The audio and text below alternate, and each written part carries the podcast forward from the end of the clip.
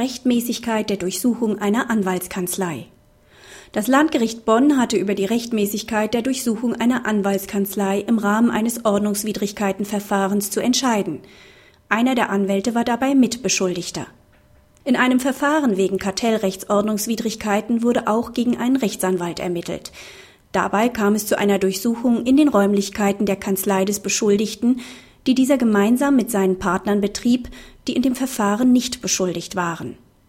Anlässlich der Durchsuchung wurde in einem allen Anwälten der Sozietät zugänglichen Archivraum diverse Mandantenunterlagen, deren Zuordnung vor Ort nicht geklärt werden konnte, sichergestellt.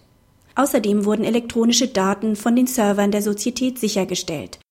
Die Beschwerde der anderen Rechtsanwälte der Sozietät gegen die Durchsuchung blieb vor dem Landgericht Bonn ohne Erfolg. Nach Ansicht des Landgerichts war es nicht zu beanstanden, dass bei der Durchsuchung auch Unterlagen und Dateien sichergestellt wurden, die Mandatsverhältnisse unbeteiligter Rechtsanwälte und Personen betrafen. Die Unterlagen und Daten befanden sich in Räumlichkeiten bzw. auf Datenspeichern, an denen der beschuldigte Rechtsanwalt zumindest Mitgewahrsam hatte.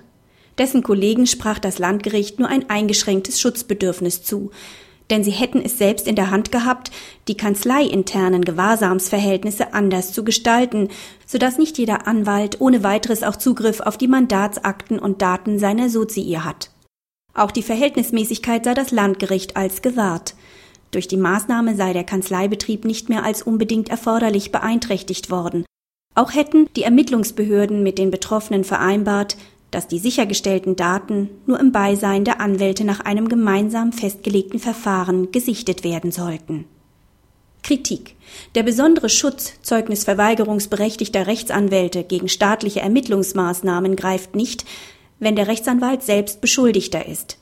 Doch was ist, wenn bei Durchsuchungen und Sicherstellungen auch vertrauliche Daten seiner nicht beschuldigten Kanzleikollegen betroffen sind?